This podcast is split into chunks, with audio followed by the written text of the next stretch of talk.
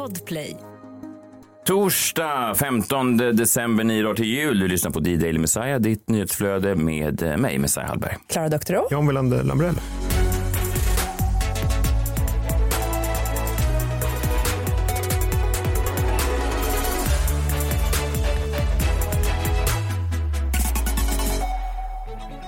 Oj, oj, oj, nu eh, jag har gjort så många satser, eh, knäck, god morgon förresten. Jag har gjort så många satser knäck nu de här dagarna. Men att du pallar det. Nej, jag vet, det är ganska, men det är enklare än man tror. Men det jag tycker inte det är Nej, det. jag vet. Men du vet, du vet vad som revolutionerade min knäckbusiness? Business. Ja, min knäckbusiness, det som revolutionerade. Det är den så kallade knäckpistolen, eller jag har döpt den själv. Det är en sån här liten en knäckstoppare. Alltså, en stor plasttratt med en stopper. För du har uppfunnit ett Nej, jag har inte uppfunnit, nej, verktyg. nej, ja, jag ska önska att jag hade uppfunnit det. Jag har klickat hem det från typ, du vet, cool stuff eller något sånt där. Men, eh, det, ja, men det är som en stor eh, sil som när man gjorde så här lakritsshots när man var tonåring. En plastkopp liksom. Så har den bara en liten stopper. Så häller du ner all sats där och sen så bara eh, drar du tillbaka den lite piff. Och så ner i, och så upp. Ja, jag visar här. Men det är väldigt bra. Vad är det i knäck? Socker och Det är bara socker, sirap och grädde. Sen kör jag vissa mandel, men det tycker jag förstör. Det blir för nyttigt. Inga nyttigheter i din Nej, nej, nej, nej. Igår fick vi klart också med eh, VM-finalisterna. Det blir en riktig drömfinal eh, mellan Argentina och eh, Frankrike. En sån där som man så sällan får. Ofta är det ju något skrällag som går hela vägen. Men nu blir det då Messi mot Mbappé och, och, och de andra. Kul ju. Kommer du laga min pannkakstorn då som de äter i Argentina på julafton? Mm. Ja, det kanske jag gör. Och det funkar ju även då om de, om de tar guld och Messi då får sitt historiska guld. Eller om de förlorar, han då för andra gången förlorar en VM-final. Så kan man ju då både antingen gråta eller vad. Precis, Glad sin till pannkaks. Ja. Men om Frankrike vinner då? Vad sa du? Vad äter du då? Baguette? Nej, sniglar, det åt vi också. Ja, det kommer inte hända. Det kommer inte hända. Nej. Ja, då håller man ju på Argentina då. Ja. Finalen eh, på eh, söndag. eh, Ja, men jag tycker det har varit, om vi bortser från allt det tråkiga med alltså allt det negativa som varit fokus på också, så tycker jag att, att det var ganska mysigt att ha någonting att titta på under den här skittiden. Ja. Alla är väl överens om att det har varit ett ganska bra VM. I alla fall om man är- läser Erik Nivas krönikor. Då framstår det ju som om hela världen har vält. Ni känner, nu har det gått över att det är konstigt att det snöar utanför och så ser man på fotboll och den där ölen är inte riktigt lika god och så vidare. Nej, det är inte riktigt lika spännande, men det är ändå det, det bästa man tar. Det är som att man, om man har en fru som är enbent. Det kanske inte hade varit kanske roligare med två, två ben.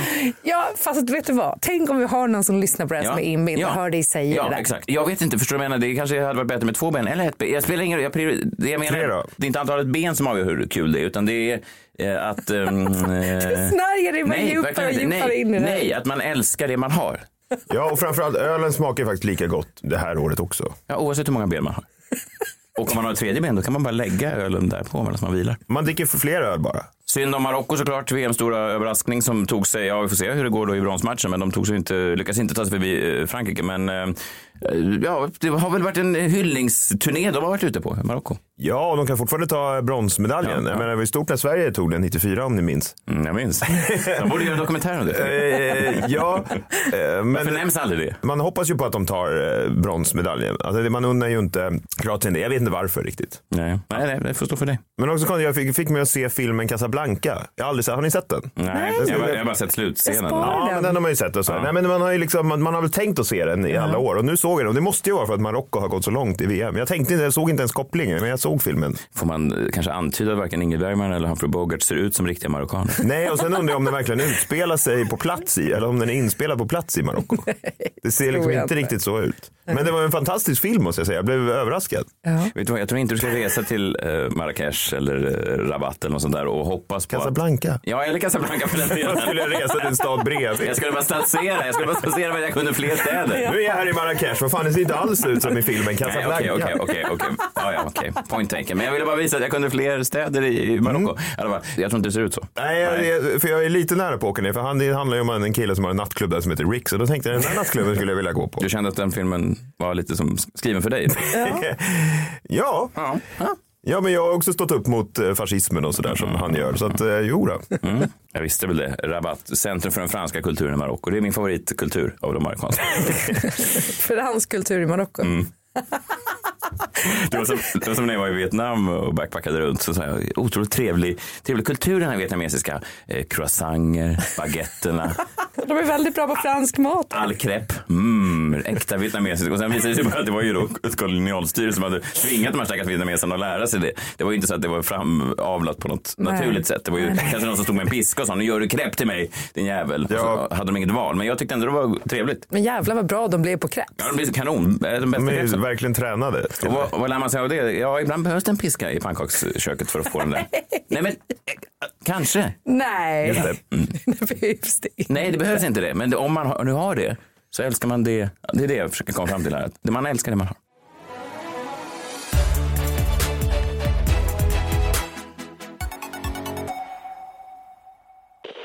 Ny säsong av Robinson på TV4 Play. Hetta, storm, hunger. Det har hela tiden varit en kamp. Nu är det blod och tårar. liksom. Fan händer just nu. Det. är Detta är inte okej. Robinson 2024, nu fucking kör vi! Streama söndag på TV4 Play. Ett poddtips från Podplay. I fallen jag aldrig glömmer djupdyker Hasse Aro i arbetet bakom några av Sveriges mest uppseendeväckande brottsutredningar. Går vi in med hemlig telefonavlyssning och, och då upplever vi att vi får en total förändring av hans beteende. Vad är det som händer nu? Vem är det som läcker? Och så säger han att jag är kriminell, jag har varit kriminell i hela mitt liv men att mörda ett barn, där går min gräns. Nya säsongen av Fallen jag aldrig glömmer på Podplay.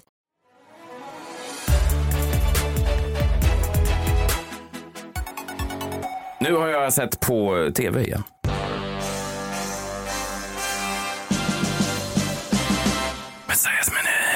Titta på tv. Eh, när det är den där eh, jingeln, specialgängen, då har jag tittat på tv. Eh, ja, det är därav namnet. Eh, jag vet inte om ni har sett det här, Clara John. Eh, ni har sett den här serien då att David Letterman har en Netflix-serie där han intervjuar folk. Just det. Ja. Och eh, i veckan så kom då en, eh, en intervju med den ukrainska presidenten Volodymyr Zelensky. Ja. Eh, My next guest needs no introduction med David Letterman. Och det får man väl verkligen säga om Zelensky. Det är ju ganska spännande. Han åker till Ukraina. Han åker då tåg och han visar då Letterman att ett vanligt ukrainskt tåg, det är inga konstigheter för mig. Nej. Alltså att han vill, han vill markera. Amerikaner, man tänker ju alltid när amerikaner res, reser i Europa, speciellt kanske till krigshärjade områden, att de ska ha en viss hög svansföring. Men, men eh, då visar han, det här är allt man, han säger det när han hoppar in i en sån liten trång kupé, ser ut som ett skittåg om man ska vara det. Så säger han så här, this is all you need, isn't it? Men Säger han det? Ja. det borde han säga till den där 20-årige svensken som precis dog i en eh, bilolycka i Ukraina. För det? Dog han i en bilolycka? Ja, eh, han dog. det- De körde in i en pansarvagn. Ja, men det är inte konstigt om David Letterman dyker upp där och säger this is all you need. Ja, jag syns Han är där då och sen får han åka ner då på den säkraste platsen i Kiev som är då nere i tunnelbanan, vanlig tunnelbanestation där tågen eh, åker förbi hela tiden och eh, passerar. Och det var ju en ganska en spännande intervju. Zelenskyj pratar lite engelska, men han har också ändå en sån öron eh, airpiece som, som översätter så att det blir liksom lite sådär, lite avbrott. Men, men ändå ganska mysigt. Det jag fastnade vid, det var då att de återkom till, Zelenskyj gammal komiker. Jag vet inte hur bra han var egentligen, men han var i alla fall, han var ju framförallt då en tv-stjärna, humorserie. Framförallt är det, var det väl lite svårt att förstå sig på ukrainsk humor. Ja, men, Ja, fast alltså, jag kikade ändå på den serien. Den den är inte sämre än den här, eh, vad heter det, två trappor upp. Vad var det för någon? Du tänker på finaste familjen? Nej. Nej. Ja, men det har ju Vadå en funnits, fyra för tre? ja, men det har funnits massor sådana här liksom, halvdana. Jag har ändå sett lite på den där. Den funkar. Ja.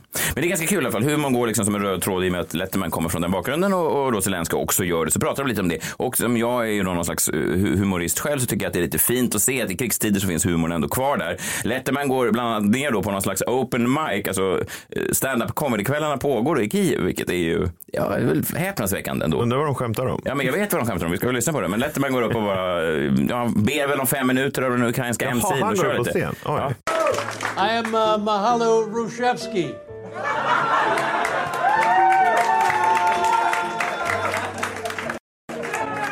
My name is uh, Dave Letterman, and I came uh, from the United States to Ukraine to get away from all of the violent gunplay.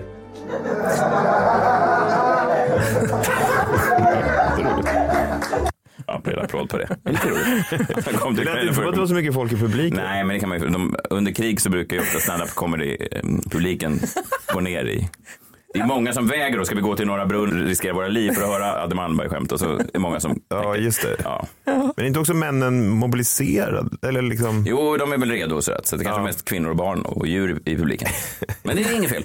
Eh, men det, då träffar Letterman då bland annat, förutom Zelenskyj så träffar han då en, eh, en ukrainsk ståuppkomiker som, ja, det finns ju också någonting sorgligt i det här, att över hela världen då, även om det är krig eller någonting, så finns det ingenting som stoppar ogräset då, som är vi ståuppkomiker. Att vi, vi uppkommer i alla samhällsklimat och alla samhällsklasser, så finns det liksom en kille med svart t-shirt som hoppas på att det här kan bli ett break.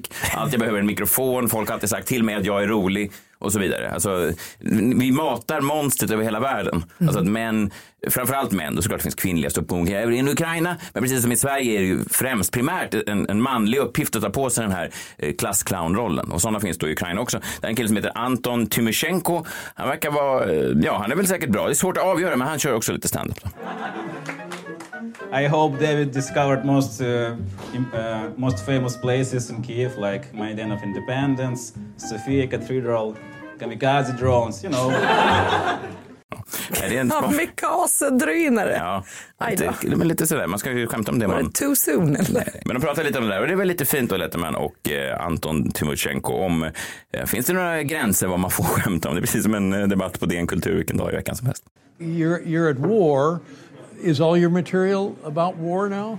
All my new material I write now is like I think 90% about war or about like my daily routine, but with war context Yeah. in it. Uh, well, that, that's the, the uh, age old universal question about comedy. Can you make jokes about anything? Can you make jokes about being at war? You, you can make jokes about another war, but this is y- your war. Yeah. And this is my jokes about this war. I, I think comedy has no limits, and you can joke about all this stuff, and comedy really helps. Under krig så skämtar man såklart om krig och vilket, ja, det är väl det vi komiker hävdar hela tiden. Såklart man måste få skoja om allt. Ja, ja. Men drar då inte Zelenskyj själv något skämt? Jo, det gör han. Och jag tänkte att ni skulle få vara domarna här, för jag har aldrig varit i ett krig och aldrig ens levt i en krigszon. Vad är det för humor då som uppstår i ett krig? Vad drar folk under en, i en krigssituation för skämt till varandra på gatorna? Ja. Eh, vi kan lyssna här lite på um, Zelenskyj. Funny joke. Yeah, funny joke. Like, зараз є, я можу вам розказати. Є. Yes. Окей, да. Два одесита, два одеських єврея, і вони зустрічаються. Один in så mukaže så, nu så, nu så. Nu. Men, men lät som han gjorde någon rolig. Ja, det, det här verkligen menar jag inte för att håna honom eller någonting, men det, man får ju osökt att tänka på, på, på det här. Uh, I have a joke. Uh, eh, there is a chair. Uh, the chair uh, walk. Uh, with his shoes. La la la la la. He walk on the street. the chair is a walking. yes. What's a funny image? Ja. Jaha, var det sånt här skämt? Nej, nej, Det lät som det. Nej, jag vet, det lät så. Och jag menar, det var inte det. Men jag har ju en översättning här, så jag tänker att jag drar det till er och jag kommer inte bryta på ryska eller låta som Borat. Utan jag drar det på svenska. Får ni se Så om nu ni... drar du hans... eh, Ja, det här är Volodymyr Zelenskyjs skämt då översatt. Okej, är ni med? Mm. Får ni avgöra om det är kul eller inte. Så här börjar det. Eh, Två judar från Odessa träffas. Mhm. Den ena frågar den andra, hur är läget? Vad, vad säger folk? Han säger, vad säger folk? De säger att det är, det är krig. Vadå för krig? "Ja, Men Ryssland är ju i krig med, med NATO. Men är det allvar? Ja, ja, ja, ja, Ryssland är i krig med, med NATO just nu. Hur går det då? Vad menar du? Alltså det är 70 000 ryska soldater har dött. Deras missillager är nästan tömt. Stora delar av deras utrustning är skadad eller sprängd i bitar. Så är läget. Och hur går det för NATO då? NATO? De har inte anlänt än. Ja men det är ju bra ju! Ganska roligt. Eller? Ja, jag gillar det. Ja, det, Du är mer svårroad. det är en rolig bild. En rolig bild att tänka sig. Där är Odessa.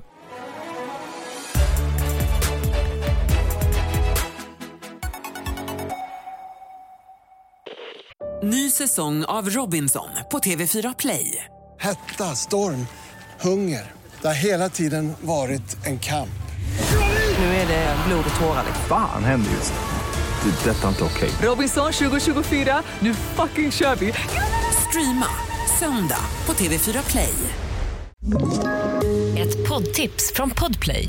I fallen jag aldrig glömmer djupdyker Hasse Aro i arbetet bakom några av Sveriges mest uppseendeväckande brottsutredningar. Går vi in med hemlig telefonavlyssning och, och då upplever vi att vi får en total förändring av hans beteende. Vad är det som händer nu? Vem är det som läcker? Och så säger han att jag är kriminell, jag har varit kriminell i hela mitt liv men att mörda ett barn, där går min gräns. Nya säsongen av Fallen jag aldrig glömmer på Podplay.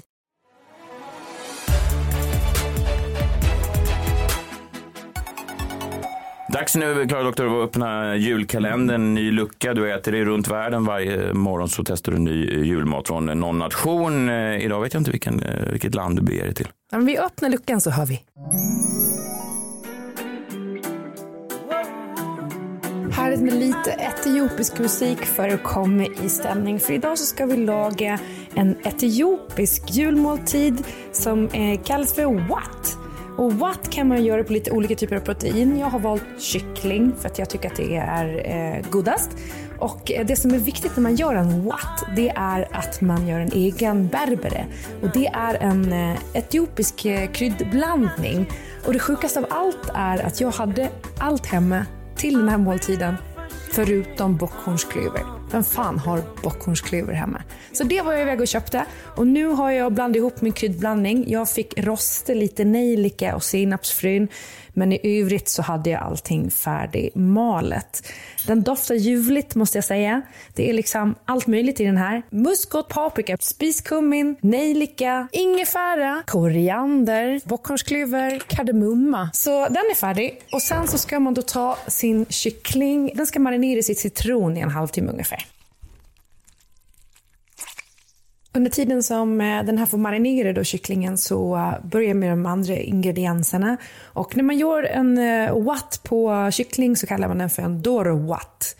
Ehm, och I den, förutom kyckling, då, så är det lök, smör, tomatpuré, det är då berberen, den här kryddblandningen och sen har man vatten, vitlöksklyftor och egentligen ska man ha helkokta ägg. Men de kommer jag skita i. För jag vill inte ha ägg i min kycklinggryta. Och jag vet att det här kanske gör etiopierna upprörda nu. Men eh, jag tror inte att de äter allt på mitt julbord heller.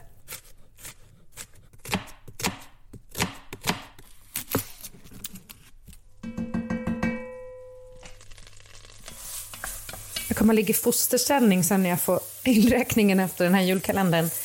Eh, fy faro vad jag har använt min jättegamla spis. Men det tänker vi inte på nu, för nu är jul. En etiopisk jul. trodde jag aldrig att jag skulle säga. Jag måste säga att det doftar ljuvligt faktiskt. Nu ska jag slänga in i kycklingen och sen ska det här få puttra i 40 minuter. Och sen om det här blir gott, då kommer jag servera mina barn det ikväll. Jag ska tillägga också att man kan ha vin i eh, receptet. Man blandar vin och vatten och häller i. Jag hade lite gammal skumpa hemma som jag tjoffade ner. Det är bra att ta vara på slattarna. Det vill jag tillägga också. Det tror jag är en bra idé för, oh, wow, vilken doft. Ja, gryten är nu klar och eh, den här serverar man egentligen med etiopiska pannkakor. Men jag blev lite trött på pannkakor när jag gjorde den här argentinska pannkakstornet häromdagen. Så jag kommer att servera den med ris och det är också okej. Nu ska vi se vad den smakar då. Doftar ljuvligt som sagt. Mm. Mm. Den här är riktigt god.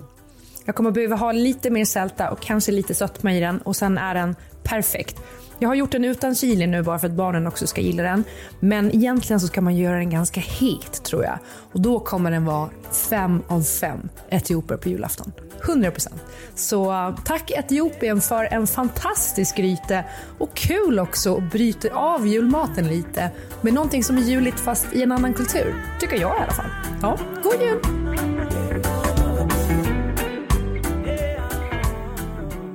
Etiopien alltså. Ja, det här var också sjukt nog det godaste jag ätit hittills. Helt otrolig gryta. Mm. Och det här att jag hade alla ingredienser hemma förutom den här bockhornsklöven då, som man kanske inte alltid har. Nej, det, Men det är inte en tillgänglig gryta med de eh, grejerna man har i ett svenskt eh, kök. Otroligt, vad långt vi har kommit ändå att vi kan närma oss det. Men, men jag, jag tror, eh, när jag bodde i Vasastan i Stockholm förut, så kom det någon etiopisk, det var lite så här etiopisk hype. Det kom en eller två etiopiska restauranger som var ganska omskrivna, minns jag. Nu vet jag inte om de finns kvar, men det var en liten hype ett tag kring etiopiska köpet. Jag Var inte det eritreanskt? Vad sa du? Den här restaurangen nere i tunnelbanan. Det var eritrean. Du har blandat ihop Etiopien och Eritrea igen. Det här, det här är nog, jag ber om ursäkt. Då har jag ingen relation till det etiopiska. Då, det här var Men ju... till eritreanska? Ja, jag var inte där heller. Fast jag tror den är baserad... Men jag hörde talas om det. Och jag tänkte... Du läste om det i Dagens Nyheters Ja, krog, kom och sen ihåg sa, det? ja, det sa jag. Och sen sa jag till min mamma, dit borde vi gå. Ja. och sen Ja. gick vi aldrig dit. Men det... Ja, men är man trött? Så gick det till teatergrillen ändå. Ja. Men är man trött på indiskt, då kan man gå över till etiopiskt. Ja, det kommer inte hända. Men, men, men absolut, det är en bra tanke. Jag gillar tanken. Nu är det dags för det här.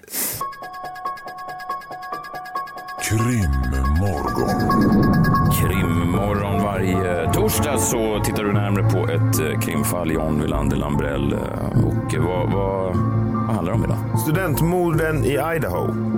Och det här fallet har ju, vi pratade ju om det här för ett par veckor sedan. När jag var borta va? Ja, när Mm. du var borta ja. Just det. Ja men bra, för att nu är du med då. Och då var det ganska, ja, Ja. men det var liksom i, alla, I alla fall här i eh, min kropp. är här. Du är här lika mycket som du var på den et- etiopiska restaurangen. jag är här i. Ja.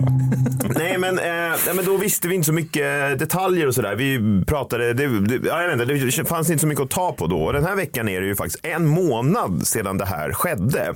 Och det är en märklig grej alltså för att det här fallet har ju totalt tagit över alla då så kallade web sleuths liv. Ja. Alltså då nätprivatutredare eller vad fan ska man kalla dem på Fult svenska. ord för er ändå. Ni borde kräva ett bättre namn. Vadå? Sleuth. Ja, men jag kallar inte mig själv en web sleuth, utan de här web sleuthsen, de sitter ju liksom någonstans och bara Vad är du då? Nej, men jag är ju mer liksom rikt, alltså mer så, alltså utredare. Eh, men Man behöver ingen utbildning för att bli utredare. Kan man bara själv. Det är som när man är barn och köper en sån sheriffstjärna. Okej, Så men då- kolla på dem som har, de här poliserna som har fått utbildning, vad fan de håller på Nej, med. det är sant. Det är sant. att, eh, vet, du, vet du vad det låter som? Det är ju det jag alltid tänker när du säger det. Det låter ju som, alltså sengångare på engelska heter ju sleuth. Uh, sloth. Sloth. Sloth. Ja, exakt. Ja, jo, men, men jag, jag kallar väl mig privatspanare. Nej, du är mer en, en, en web sloth. Men en, en nätsengångare? Ja. Vad fan betyder det? Du är vaken väldigt få timmar på natten Ja. och sen går du och lägger dig. Ja, men det låter som att, jag, så här, att det tar lång tid för mig att gå in på olika hemsidor. alltså så här, www. Punkt. Skit i det nu, Eh, för nu har vi liksom lite mer av en bild i vad fan som hände i det här Idaho-morden. Och eh, de här websleuthsen har ju tagit över det här och websleuthsens stora fall innan var ju Delphi. Det är liksom lite ironiskt här att när Delphi-fallet är på väg att liksom Liksom lösas, då dyker det här upp nästan, alltså i princip samma dag, vilket är nästan lite otäckt. Och det här fallet är ju, som precis som Delfa, liknar ju knappt heller någonting annat. Alltså fyra college-studenter, 20-åringar, mördade i ett hus under natten med kniv och man har inte hittat gärningsmannen. Jag kan inte minnas en enda gång när fyra personer har mördat samtidigt med kniv på det här Ja. sättet i samma hus. Och sen två då kvinnor som har varit där men som inte har märkt något. Ja, precis. Två överlevande då som inte har attackerats. De har inte ens märkt det här. Det här huset är ju ganska litet också. Man kan se bilder på det. Det är tre våningar då, men det låter större än vad det är. Det är tre våningar. Två sover där nere, två sover i mitten och två sover högst upp. Och det är de som bor högst upp och på andra våningen som har mördats. Medan då de här två på ground floor har inte märkt någonting. det är märkligt. Här är tidslinjen då som vi nu har mer fastställd. Och det är då att alla de här eh, sex personerna är ute och, eh, ja, men de är ute och festar liksom, li- på olika håll. Vi har ju då två kvinnor som är vid den här pastavagnen. De festar inte vid pastavagnen utan har varit ute och festat. Och sen så, som man gör så går man eh, och vill äta då mat efteråt och då gick de till den här pastavagnen. Två andra var på någon eh, collegefest eh, och sen ett par då som, eh, ja men de har kuckelurat och ja, jag vet inte, varit lite i, i lägenheten. Alla kommer hem runt två tiden på natten då. Eh, en av de här personerna eh, ringer sin ex-pojkvän flera gånger fram till typ tre tiden. En av de här som blir mördad då. Så man har kunnat fastställa att mordet måste ha skett någon gång tre på natten på lördagnatten då. När alla verkligen var hemma. När alla verkligen var hemma, precis. Och efter då hon har pratat med sin pojkvän uppenbarligen. Ex-pojkvän. Han är också avförd från utredningen. Och sen dröjer det då till 11.58 dagen därpå tills de får ett 911-samtal. Och det som händer då, det är alltså att de här två överlevande går upp, enligt deras egen utsaga då, de går upp på andra våningen och undrar liksom varför vaknar inte en av de här killarna? Och de säger att han är, verkar medvetslös, ringer då några kompisar och säger så här, kan ni komma över? Vi, får, vi kan inte väcka då Ethan. Märkligt kanske kan tyckas då. De här kompisarna kommer över, kollar på det här och sen ringer de eh, 911 när de har kommit dit. Ja, det. Alltså, min, jag ville liksom inte riktigt säga det först, men min magreaktion var ju det här att de här två personerna, what the fuck, liksom, alltså, borde vara högst upp på misstänkta listan. Och att polisen sa då, vi, vi tror inte att de är misstänkta, fuck, det betyder ingenting. Speciellt Nej. inte efter polisens jävla fuck up i Delphi. Fast tänk fortfarande på typ Amanda Knox. Foxy Noxy. Och hon var ju inte delaktig i det här, men hon var ju också typ närvarande, inte när det hände, men Nej, det var hon ju inte då. därefter. Hon, ja, jo, absolut. Men sen fanns det ju massa bevis. Det, ja, Men var inte. inte alla knivmördare då? Jo, alla var knivmördare. Men jag, jag måste bara säga då att jag tycker ändå att den här förklaringen låter plausibel. Jag tror inte på att det är de här två. De är också två 20-åriga tjejer som skulle då begått det här mordet. Nej. Alltså, då, jag tycker att man kan skriva av dem. Jag tycker att den här historien håller. Framför allt då för att det som också har kommit ut är att en av de här kvinnorna, Kaylee Gonsalves, eh, hon har ju då eh, erhållit fler skador på kroppen än vad de andra tre har. Det ser ut liksom som att mördaren har gett sig på henne extra mycket. Och det tror jag tyder på någonting, att hon var det tilltänkta offret. För jag menar, jag tror att det här är en sadistisk eh, psykopat, en man som vill mörda den här Kaylee Gonsalves bara på att se liksom själva nedslaget. Vad, vad vet man om det här? Jag tycker det tyder på att det är en sadistisk man som är ute efter Kaylee Gonsalves. Men det är ju många frågetecken alltså. Hur fan har han kunnat gjort det här utan att någon har vaknat? Ingen har ju vaknat, inte ens de andra offren kan ju ha vaknat. Alla låg i sina sängar. hur kom han in då? Hur kom han in då? Ja. Visst, det, dörren kan ha varit öppen. Men också, hur har han tänkt att det här ska gå till? Han ska då mörda. Han måste ju vetat vilka som bor där. Jag tror också att han har varit här tidigare. Det går inte att förklara på något annat sätt då. Eftersom man skiter dem längst upp också. Nej, han sket ju Nej, inte i längst dem längst, ner. längst ner. Vilket Längst är ju liksom ner, de svåraste att skita i. Ja. De sover ju längst ner. Gick han förbi dem och uppför trappan? Ja. Men jag undrar, är inte alkoholen en nyckel till det där? För att eh, man kan ju vara rätt svårväckt när man har dricka. Och Ja, det, det är är för ungdomar och det var helg. Jag vet, men jag tror att det här paret då, det är två tjejkompisar som var ute vid pastavagnen och sen är det ett par då som tror jag hade haft en lugnare kväll som par ofta har. Ja, ja, ja, vissa par i alla fall. Så jag undrar hur mycket de hade druckit egentligen. Det är väldigt märkligt allting. Men sen så har vi några grejer då som har dykt upp. Det är Ja, men då... då kanske de vaknade och kom på gärningsmannen och sen blev mördade och inte han. Och så vaknade inte de andra för de var antingen döda eller var så fulla så att de var utslagna. Ja, kanske, men också om du blir attackerad med en kniv, då, då vaknar du ju. Ja, alltså. Du dör ju inte, om någon hugger en kniv i ditt bröst, då dör ju inte du. Det, Jag har aldrig varit med om det faktiskt. så Jag Nej, kan inte svara på det. det märks kan jag säga. Det märks att du inte vet vad du snackar om. Ja, men då... Ta eh, knivhuggna killar som är John. Jo, fast i den chocken, är det verkligen så tydligt? Precis som man tittar på våldtäktsoffer och sådär. De flesta säger ju inte ett jävla ljud. Okej, det är men vad ju har vi- total chock bara. Vad har vi att gå på? Det här är ju en, en, en video som har spridits nu utanför den här pastavagnen. Och det är nicken. Nicken? Nicken. Mellan pastavagnen? Mellan. Nej, inte mellan pastavagnen. Nej. Utan de två eh, kvinnorna, de två tjejerna. Det är dålig översättning. Jag skulle väl snarare säga the nod. Mm. The nod. Som många har lagt märke till då. Jag vill att ni tittar på den nu. Vad tycker ni att det här säger? Vad gör de här? Det här är alltså övervakningskameran utanför pastavagnen. De två tjejerna står och ska beställa. En av tjejerna liksom nickar till den andra någonting. De är ju skitfulla. Jag vet, men vad är det hon vill med den här nicken? Ja. Kolla på nicken. ja. Vad betyder den? Betyder den, där är en snygg kille, där är någon som vi vill träffa med, där är någon som är obe... Alltså många ser det här som att här är en person som är lite obehaglig. Vet du vad jag tänker när jag ser den här? Vi kan lägga upp den här på vår Instagram så kan man se. Jag ser det som så här, inte det här den här killen som vår kompis hånglade med? Typ, alltså förstår du vad jag menar? Typ, är inte det här han? Ja, så ser, det, så ser det ut som att de gör. Kolla, kolla här Och bakom många oss. står, Mm. även i den här tweeten så står det så här att det är en kille som har luvtröja då, making her uncomfortable. Jag tycker inte de ser uncomfortable ut alls. Klara det. Här är rig- frågan riktar sig mer till det. Det är två tjejer Ja, som talar då ett språk som men- vi killar inte förstår. Jag måste då säga det här för att vi har ju ingen, eh, inget ljud på dem överhuvudtaget. Utan det är bara att med kroppsspråk så kan det här betyda vad fan som helst. Men det man ser är att de är skitfulla. De verkar inte vara så besvärade. Och det talar också för att de skulle vara däckade när de kom hem och inte märker någonting. För jag vill återkomma till det här med om man blir knivhuggen, vad man gör. Tänk på Johanna Möllers mamma. Hon skrek inte. Hon var jättechockad och gick upp och satte sig i vardagsrummet och tog upp telefonen och försökte ringa polisen. Mm. Hon, hon skrek ingenting. Okej, hon blev knivhuggen. Så, att, så, så här, jag, jag tror att Det har du rätt men och det här är väl de, på den här, eh, det här klippet som vi får se här nu. De överlevde väl? Nej, Nej, de dog? Okej. annars hade man Så kunnat de fråga dem. kan ha sett gärningsmannen då? Ja, Ja, Och alltså, det är de har ju det blivit, de- Nej, alltså det här är utanför pastavagnen. Precis. men de har men då kan det. någon ha följt efter dem. Ja, det är ju flera teori då. Att de, de, blir, att de tycker att den här personen är obehaglig och därför tar de en bild av honom och nickar på det här sättet till varandra. Typ, kolla den där killen. Ja. Jag ser inte det alls riktigt. Utan jag ser det mer som att så här, känner vi inte igen den här killen? Någonting. Sen tror jag inte heller, det verkar ju också konstigt, skulle man inte ha kunnat identifiera honom? Verkar märkligt. Skitsamma. Det där är liksom det enda som finns då. Men det som är så sjukt med det här, det är att det har gått en månad. Och jag menar, fall där det går en månad efter mordet är ju, chanserna för att klara upp det sjunker ju liksom som en sten. Det är väl också någonting som får mig lite mer positivt inställd till det här. Det är ju att det finns ju en jävla massa övervakningskameror i dagens samhälle. De är inte ute i skogen, de är i stan. Liksom. De är på ett campus. Det måste ju finnas film på mördaren. Alltså det måste finnas det. Men då kan man fråga sig också, om det nu finns det, varför har de inte hittat den? Jag tänker det här får ju bli en följetong då, för det här mordet liknar ingenting annat. Alla privatspanare online eh, liksom lever ju med det här fallet nu och eh, framförallt så sprids det oerhört mycket konstiga rykten.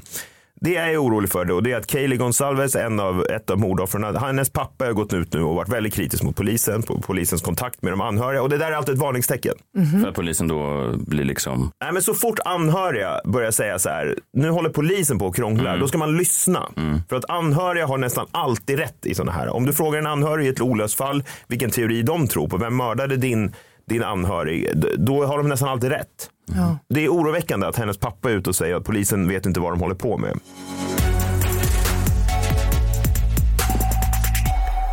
Vi eh, rundar väl av eh, morgonens sändning där. Det är nio dagar till eh, jul. Jag måste köpa lite julklappar, jag har inte gjort det än. Eh, ska vi återkomma till det där? Jag, nu när jag tänker på det så drog jag faktiskt skämtet mycket, mycket bättre än mm, Volodymyr Zelenskyj gjorde det. Jag hade en helt annan umf. Han var lite- Leverans. Ja, han- hur fan vet du det? Du Ja, kan men ju jag- inte ukrainska. Nej, men jag såg på honom. Jag såg att Letterman också fick anstränga sig. Jag la in lite mer. Jag förstärkte skämtet, gjorde det lite bättre. Men det är, han har många andra kvaliteter som jag inte har. Så att han är mycket mer hjältemodig och sådär. Men just när det kommer till att... Du tyckte han var lite trött Ja. I leveransen? Ja. ja. Som att det var någonting annat han hade att tänka på. Ja, jag, jag, jag, jag, jag det har han säkert. Jag är säkert så. Men jag bara säger att just om man jämför bara det så tyckte jag att jag var lite bättre. Sen har han andra starka sidor såklart. Vi hörs imorgon. Eh, Ta hand om er själva och varandra. Eh, hej, hej. Hej! Hej! Jag tyckte skämtet var kul. Jag tyckte det var, Men vad fan.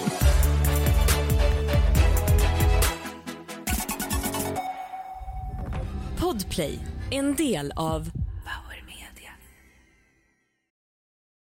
Ny säsong av Robinson på TV4 Play.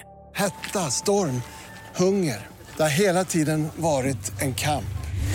Nu är det blod och tårar. Fan händer just det. Det är detta inte okej. Robinson 2024, nu fucking kör vi!